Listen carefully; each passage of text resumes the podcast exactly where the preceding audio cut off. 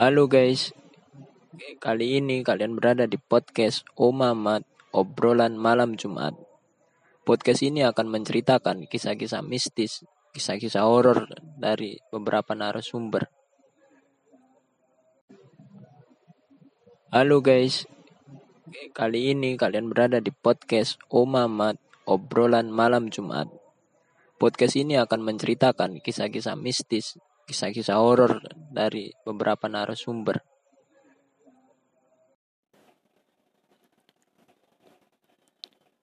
Halo gengs.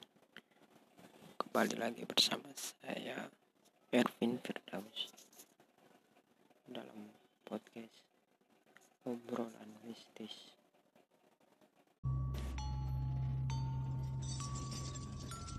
Assalamualaikum warahmatullahi wabarakatuh Kembali lagi bersama saya Ervin Firdaus Dalam podcast Urban Legend Kali ini saya akan sedikit cerita tentang ceritanya cerita suatu daerah yang berada di daerah Jawa Barat yaitu hantu di jalur kecelakaan maut Santiong Cimahi. Ya, langsung saja kita mulai ceritanya. Suatu daerah sudah barang tentu memiliki urban legend yang dipercaya oleh masyarakat secara turun-menurun termasuk di kota Cimahi yang memang beberapa kawasan seakan menegaskan bahwa urban legend yang dikisahkan nyata adanya. Selain Eravel di Jalan Krakow, Lui Gajah yang memiliki kisah mistis, Jalan Konolel Masturi yang juga oleh masyarakat dikenal sebagai daerah Santiong juga menyelipkan kisah mistis tersendiri. Apalagi di satu titik saat melewati jalan yang menghubungkan Cimahi dan Cisarua itu akan melewati dua area pemakaman di sisi kiri dan kanan. Dari arah Cimahi, satu kilometer dari persimpangan Citarum, kita bakal melewati pemakaman Santiong di sisi kiri Muslim Cipangerang di bagian kanan. Layaknya pemakaman, lalu ada cerita-cerita orang yang mengiringi keberadaannya. Apalagi di ruas jalan yang konturnya menuju kamar, itu sempat terjadi beberapa kejadian kecelakaan yang menelan korban jiwa. Kecelakaan paling parah terjadi pada tahun 2016 silam. Sebuah bus pariwisata menabrak lima kendaraan hingga menyebabkan 9 orang meninggal dunia. Lalu apa hubungannya? Banyak warga percaya jika kita saat melintas kawasan tersebut tidak boleh melakukan hal-hal sembrono maupun berkata seenaknya atau dalam bahasa Sunda dikenal dengan sompral.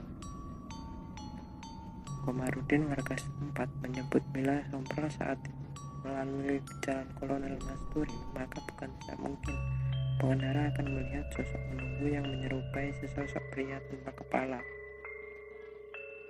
Belum lagi kabarnya ada kuntilanak yang bergelayut di atas pohon bambu yang memang seperti memayung sisi kiri dan kanan di dekat dua kuburan.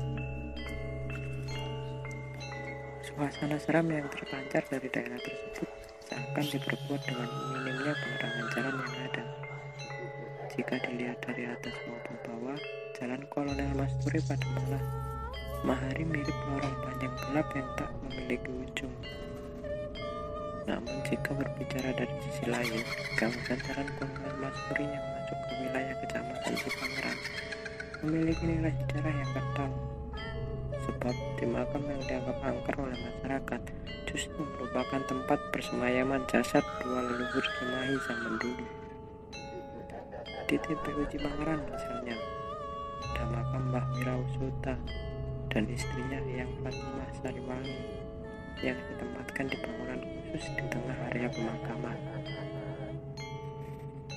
Bagi masyarakat Cimahi, khususnya Cipangeran, mereka dianggap sebagai leluhur karena membuka wilayah Cipangeran menjadi permukiman dan berperan menyebarkan Islam di wilayah ini.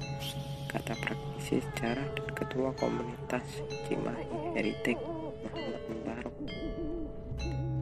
Cipangeran juga bisa jadi merupakan cikal bakal lahirnya Cimahi sebagai bagian dari distrik Cilokotot pada masa penjajahan Belanda dulu.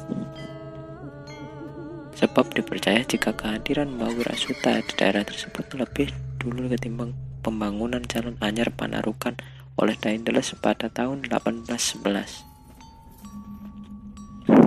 Bisa jadi Cimahi ini sebetulnya berawal dari Cipangeran, tapi yang masyarakat ingat dari Santiong ini justru cerita-cerita mistisnya, padahal kita tahu nilai sejarahnya sangat kental dan terang.